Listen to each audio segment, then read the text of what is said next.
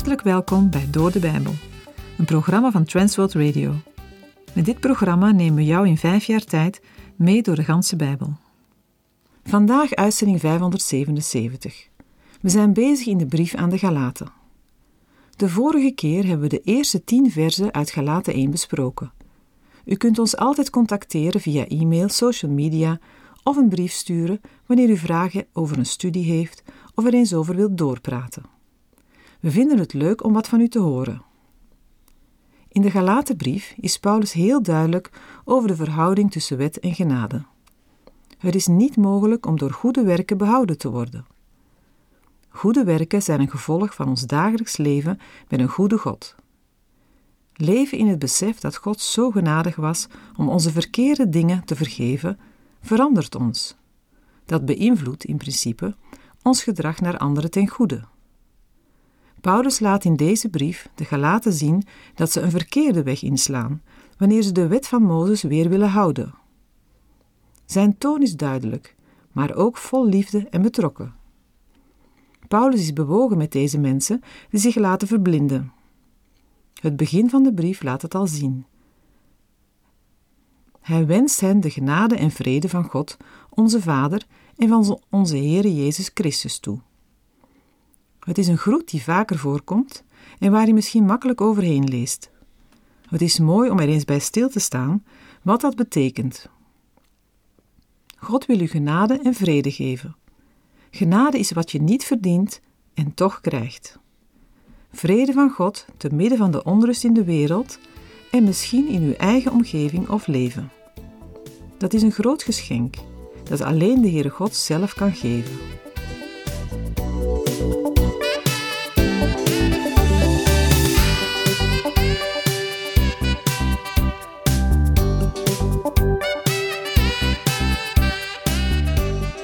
Paulus brengt een evangelie zonder compromissen. Hij praat de mensen niet naar de mond. Hij is niet uit op de complimentjes van mensen. Zijn enige bedoeling is God te behagen. Als het behagen van mensen zijn doel was, dan zou hij geen slaaf van Christus zijn. Voor zijn bekering is hij wel bezig geweest mensen te behagen. Toen wilde hij populair zijn. Maar populair zijn en Christus behagen sluiten elkaar uit. Je zult dat ook wel merken als je het evangelie aan iemand wil doorgeven. Christus is niet populair. Zijn volgelingen zijn dat ook niet. In de vorige uitzending hebben we gelezen dat het de apostel Paulus verbaasde dat de Galaten God, die hen in zijn genade geroepen heeft door Jezus Christus, zo vlug de rug hebben toegekeerd en een ander evangelie geloven, dat helemaal geen evangelie is. Ze zijn van de wijs gebracht door bepaalde personen die een verkeerd beeld van Christus geven. De apostel heeft hen benadrukt dat wanneer iemand een ander evangelie verkondigt dan het goede nieuws dat zij van Paulus en zijn medewerkers ontvangen hebben, zo iemand vervloekt is. Paulus probeert Gods wil te doen en waarschuwt voor Joodse dwaalleraars. Galaten 1 vers 11 Maar ik maak u bekend, broeders, dat het evangelie dat door mij verkondigd is, niet naar de mens is. Met ik maak u bekend geeft Paulus een vrij plechtige wending naar een belangrijk kernpunt. Met de aanduiding broeders benadrukt hij de broederlijke eenheid in Christus. Wat de apostel bekend maakt, is het goede nieuws dat niet door mensen is bedacht. Bij de bekendmaking van Paulus is de broederlijke eenheid in Christus een belangrijk gegeven. Paulus geeft het evangelie door, maar hij heeft de boodschap niet zelf bedacht, maar van Jezus Christus ontvangen. Het evangelie is niet naar de mens. Dat wil zeggen, het evangelie is verschillend van welke menselijke activiteit of gedachte dan ook. Daarom wil Paulus geen mensen naar de mond praten of geen eigen menselijke bedoelingen nastreven. Paulus herhaalt zijn principiële criterium, namelijk dat wat hij verkondigt zijn bron en norm alleen vindt in de openbaring van Jezus Christus. Daaraan alleen kan ook Paulus zijn gezag ontlenen. Galaten 1, vers 12. Want ik heb dat ook niet van een mens ontvangen of geleerd, maar door openbaring van Jezus Christus. Net als in vers 1 benadrukt Paulus in de versen 11 en 12 de tegenstelling. Niet van mensen, maar van Christus. Hij doet dat ook in 1 Thessalonicenzen 2, vers 13. Daar staat: Daarom danken ook wij God zonder ophouden dat u, toen u van ons het gepredikte woord van God hebt ontvangen, het ook aangenomen hebt. Niet als een mensenwoord, maar zoals het werkelijk is, als Gods woord, dat ook werkzaam is en u die gelooft. Sommigen in de gemeente hechten aan het woord van Paulus minder waarde, omdat hij geen ooggetuige van het werk van Jezus op aarde was. Daarom benadrukt de apostel dat ook hij het niet van mensen heeft ontvangen, maar dat Jezus Christus het hemzelf bekendgemaakt heeft. Van wie Paulus het heeft ontvangen en geleerd, bepaalt de kwaliteit, de aard van het evangelie.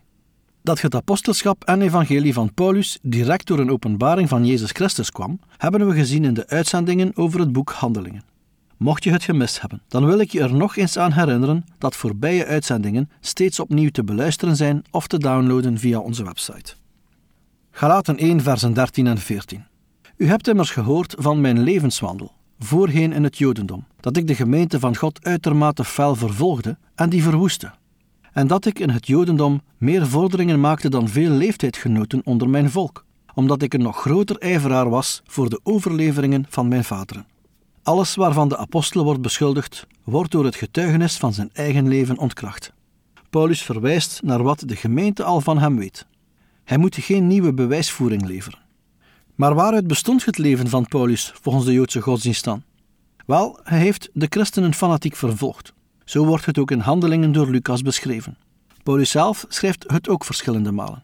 Met dit gegeven wordt het volledige genadekarakter van zijn roeping benadrukt. Ten tweede was Paulus verder in de Joodse leer dan zijn leeftijdgenoten. Paulus, die toen nog Saulus heette, had binnen zijn eigen volk een vooraanstaande plaats, wat betreft kennis en onderhouding van de wet.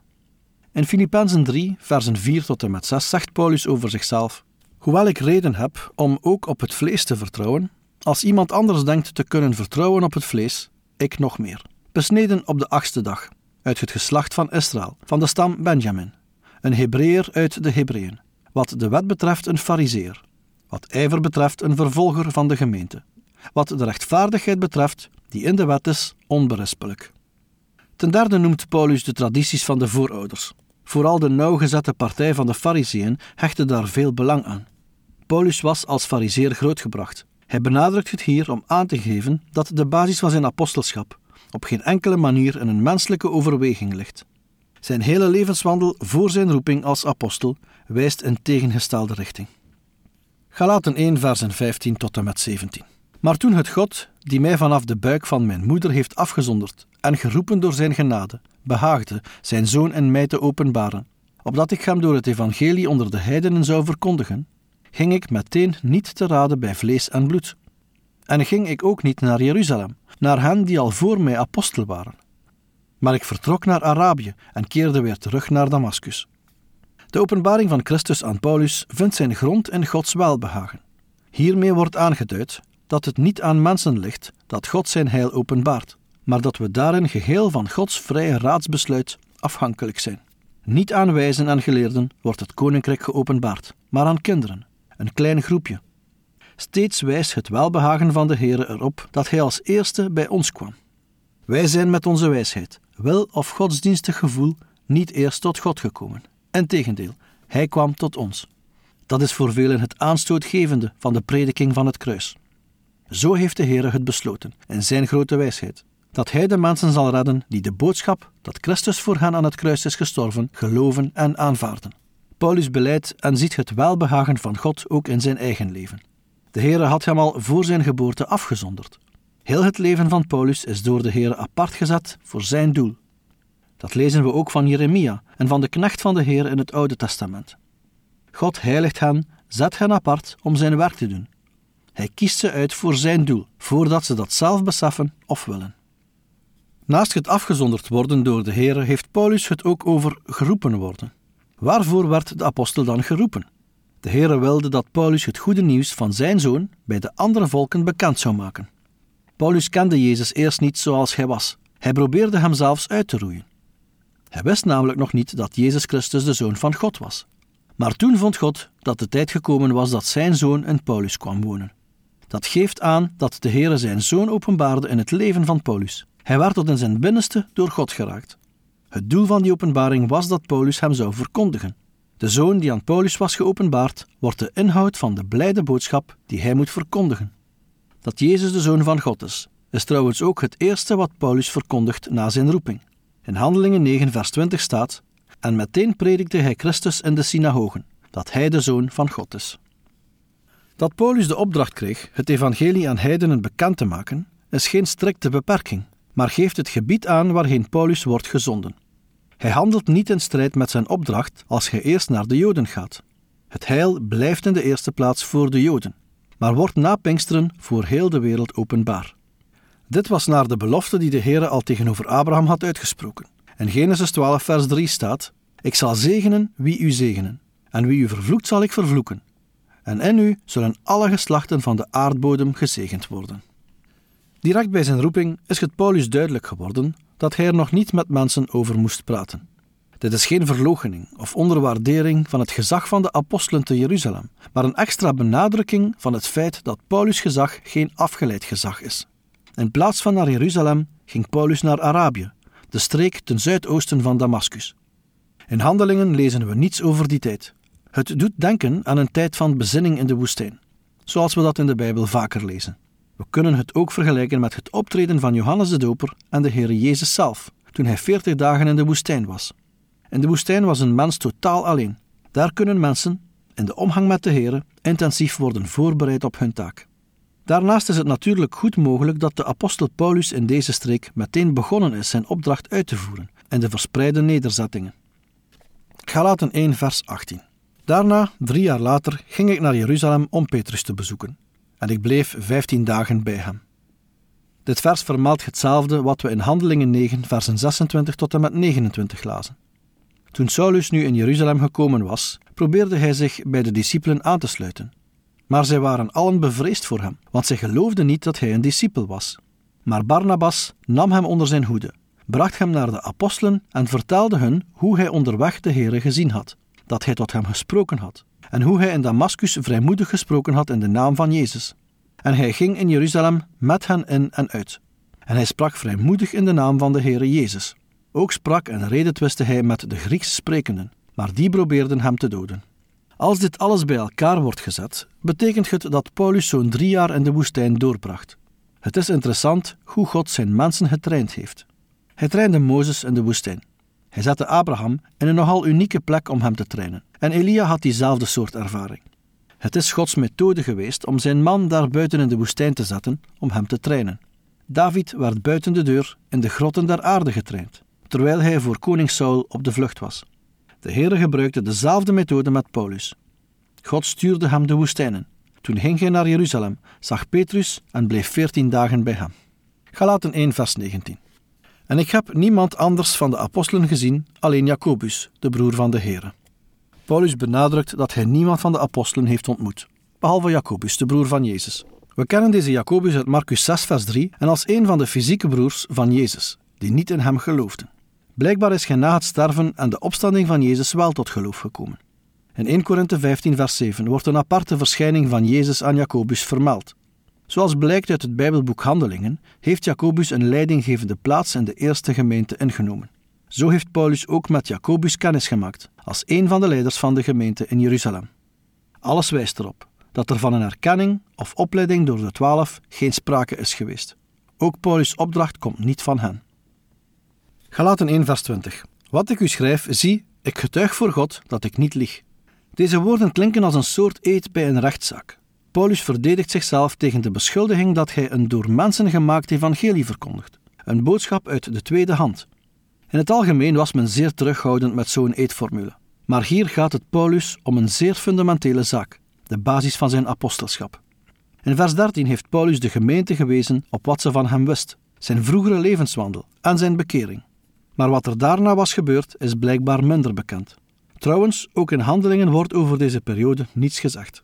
Galaten 1 vers 21 Daarna kwam ik in de streken van Syrië en Cilicië. Paulus vermeldt zijn verblijf in Syrië en Cilicië, waar hij mogelijk tien of meer jaren heeft doorgebracht. Onmiddellijk na zijn korte bezoek aan Jeruzalem is Paulus weer vertrokken. Zo wordt het ook in handelingen vertaald. Hij werd door een aantal broeders naar Caesarea begeleid en vandaar vertrok hij verder naar Tarsus, dat in Cilicië lag. Later haalde Barnabas hem naar Antiochië, de belangrijkste stad van het toenmalige Syrië. De nadruk ligt hier op de grote afstand van Jeruzalem, zodat er geen verder contact kan geweest zijn met de apostelen in Jeruzalem. Galaten 1, versen 22 en 23.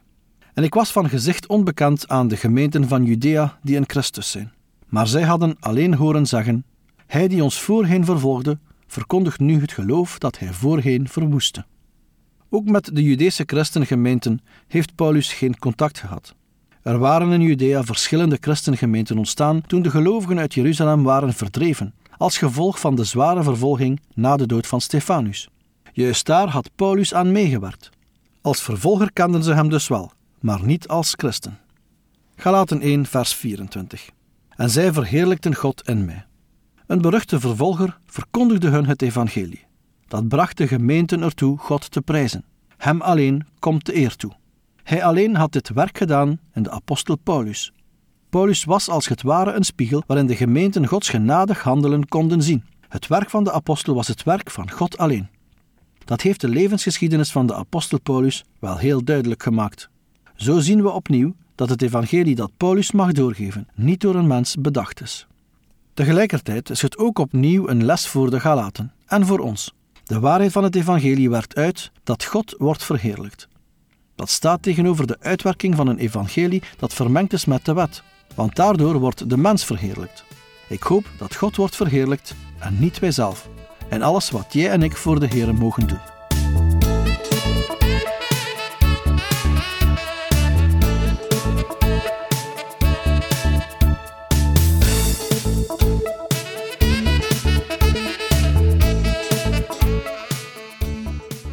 Heeft geluisterd naar Door de Bijbel, een programma waarin we in vijf jaar tijd de ganse Bijbel bespreken. De basis voor het programma is de Bijbelstudiereeks van Dr. Vernon McGee, Through the Bible. Deze werd in het Vlaams vertaald en bewerkt door Transworld Radio. U kan elke werkdag naar een nieuwe uitzending luisteren en u kan ook steeds voorbije uitzendingen opnieuw beluisteren of downloaden. Als u wilt reageren op deze uitzending of u heeft vragen, dan kunt u uiteraard contact met ons opnemen. U kan een e-mail sturen naar doordebijbel.twr.be. Verder kan u op onze site terecht, www.twr.be, voor meer info en het beluisteren van onze overige programma's. Dit programma werd gepresenteerd door Patrick Couchement en Anne Notenboom. Wij danken u voor het luisteren en graag tot een volgende keer.